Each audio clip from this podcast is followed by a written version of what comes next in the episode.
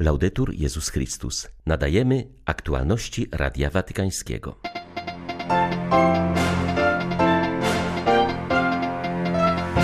Papież Franciszek zachęcił Polaków do ufnego zawierzenia Matce Bożej losów naszej ojczyzny i pokoju w Europie. Ukraina daje świadectwo heroizmu, mówi w 70. dniu wojny arcybiskup Światosław Szewczuk, przypominając, że w ciągu jednego wieczoru na Ukrainę spadło tyle samo rakiet, co na Syrię w ciągu 11 lat.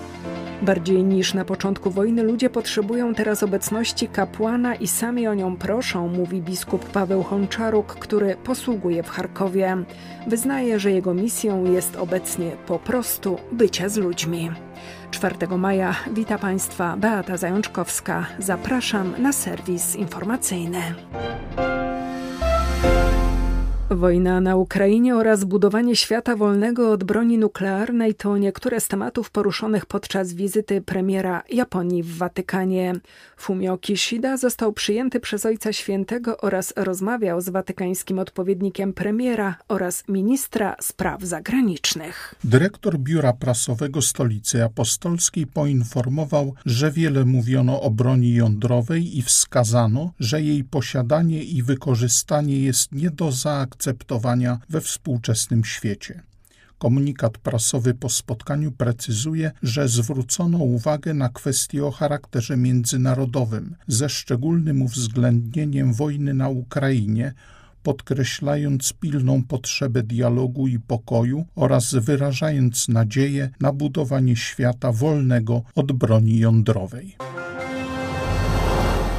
Pozdrawiając pielgrzymów przybyłych na plac Świętego Piotra na audiencję ogólną, papież Franciszek zachęcił do zawierzenia Maryi pokoju w Europie. Pozdrawiam serdecznie wszystkich Polaków. Wczoraj obchodziliście uroczystość Najświętszej Maryi Panny Królowej Polski. Na Jasnej Górze wspominaliście błogosławionego kardynała Wyszyńskiego, który uczył was ufać Maryi w najtrudniejszych chwilach waszych dziejów. Idąc za jego przykładem, z ufnością zawierzajcie Matce Bożej losy waszej ojczyzny i pokój w Europie. Serca wam błogosławię. W ciągu jednego wieczoru na Ukrainę spadło tyle samo rakiet, co na Syrię w ciągu 11 lat. To już 70. dzień brutalnej wojny, którą Rosja rozpętała przeciwko naszej ojczyźnie i naszemu narodowi, mówi arcybiskup Światosław Szewczuk w codziennym orędziu wojennym. Dziś rozważał ostatnie błogosławieństwo skazania na górze, w którym Jezus zwraca się do tych, którym ludzie z jego powodu urągają, prześladują ich i oczerniają. Zwierzchnik ukraińskich grekokatolików podkreślił, że błogosławieństwo to spełnia się w losach ukraińskiego narodu. Wczoraj całym naszym krajem wstrząsnęły eksplozje rakiet o dużej mocy. W jeden wieczór wystrzelono na Ukrainę 20 pocisków manewrujących, które uderzyły w 8 regionów Ukrainy. Ale Ukraińcy pokazują bezprecedensowe przykłady heroizmu, broniąc swej ojczyzny. Cały Donbas i południe Ukrainy jest pod ostrzałem. Charków i Mikołajów zostały ponownie zbombardowane i ostrzelane. Dzięki Bogu uratowano kilkaset osób z Mariupola i Azowstalu.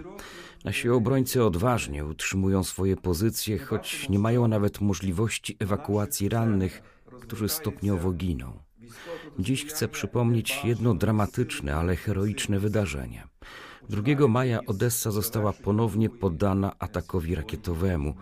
Tego dnia bohatersko zginął 14-letni chłopak, Wiaczesław Jaliszew. Słysząc syreny alarmu przeciwlotniczego, pobiegł do sąsiadów, osób starszych, by ostrzec ich przed niebezpieczeństwem. Uratował ich, ale sam zginął. Ten bohaterski czyn nastolatka odsłania kolejną stronę heroicznego świadectwa, jakie Ukraińcy składają dziś światu. Niech Bóg błogosławi bohaterski lud, zwłaszcza dzieci i młodzież, które oddają życie z miłości do bliźniego. Od wybuchu wojny na Ukrainie oblaci obecni w tym kraju niosą pomoc najbardziej potrzebującym. W pierwszych tygodniach konfliktu ich parafie i domy zakonne stały się dla ludności miejscami schronienia przed nalotami i bombardowaniami. Gdy wojna przeniosła się bardziej na wschód, w swoich placówkach misjonarze zorganizowali centra przyjmowania i dystrybucji pomocy charytatywnej dla najbardziej potrzebujących. Jednym z największych takich ośrodków jest parafia świętego Mikołaja w Kijowie, która rozprowadziła jak dotąd 250 ton pomocy humanitarnej, mówi proboszcz ksiądz Paweł Wyszkowski codziennie służymy pomocą w najbardziej potrzebujących miejscowościach. Wysłaliśmy siedem transportów do Czernichowa, kiedy był oblężony. Teraz województwo czernichowskie wyzwolone, ale wioski są w strasznej biedzie, więc cały czas do tych miejscowości. Do znanej już przez media światowe Buczy, Irpinia, Hostomla, wszędzie w te miejscowości ładowaliśmy tą pomoc, a więc to było około 250 ton i 250 ton załadowania, wysłania do potrzebujących. I tak właściwie każdego dnia nasza parafia służy bez przerwy. W taki sposób, że inni ludzie, kiedy y, zobaczyli, że tak dużo tu dzieje się, tak dużo chętnych wolontariuszy, y, którzy przychodzą, chcą pomóc, chcieli sami pomóc. Tutaj z okolic w ekipie tych wolontariuszy mamy i protestantów, i prawosławnych, i niewierzących, którzy chcą służyć innym. Sytuacja w Charkowie jest bardzo trudna. Odczuwa się duże zmęczenie psychiczne i fizyczne ludzi, którzy ukrywają się w piwnicach, na stacjach metra i w bunkrach. Bardziej niż na początku wojny potrzebują teraz obecności kapłana i sami nas do siebie zapraszają, mówi biskup Paweł Honczaruk, który posługuje w tym drugim co do wielkości mieście Ukrainy.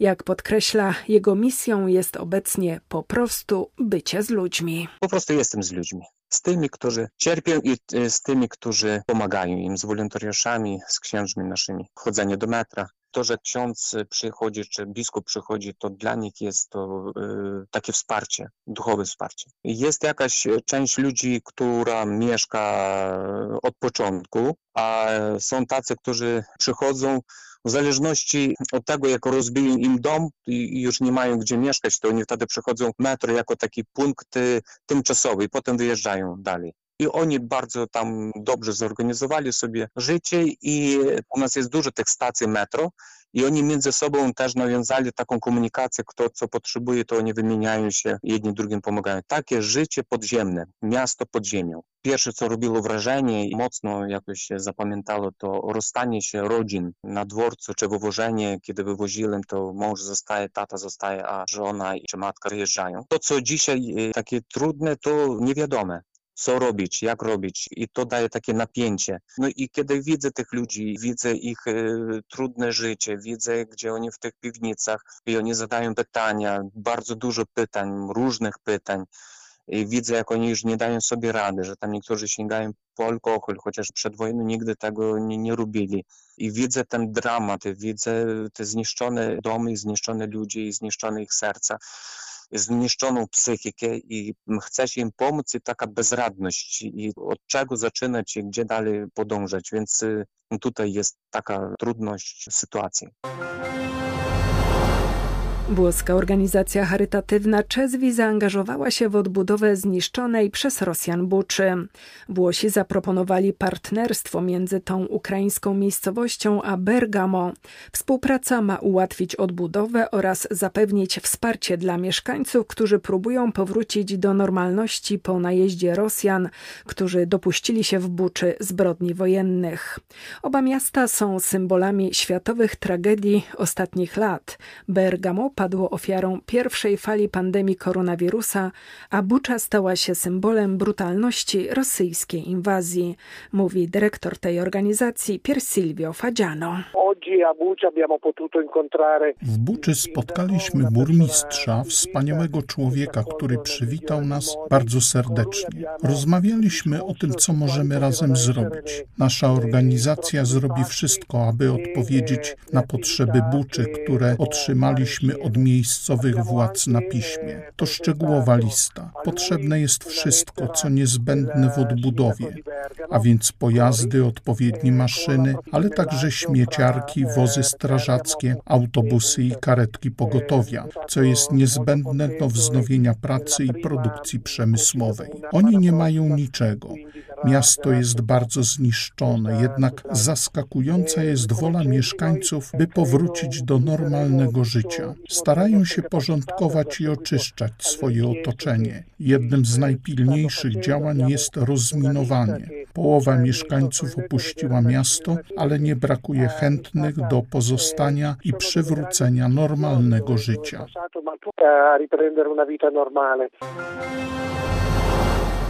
Kościół grecko-katolicki opublikował katechizm chrześcijańskiego żołnierza, czyli swego rodzaju wademekum dla osób wierzących walczących w ukraińskich szeregach.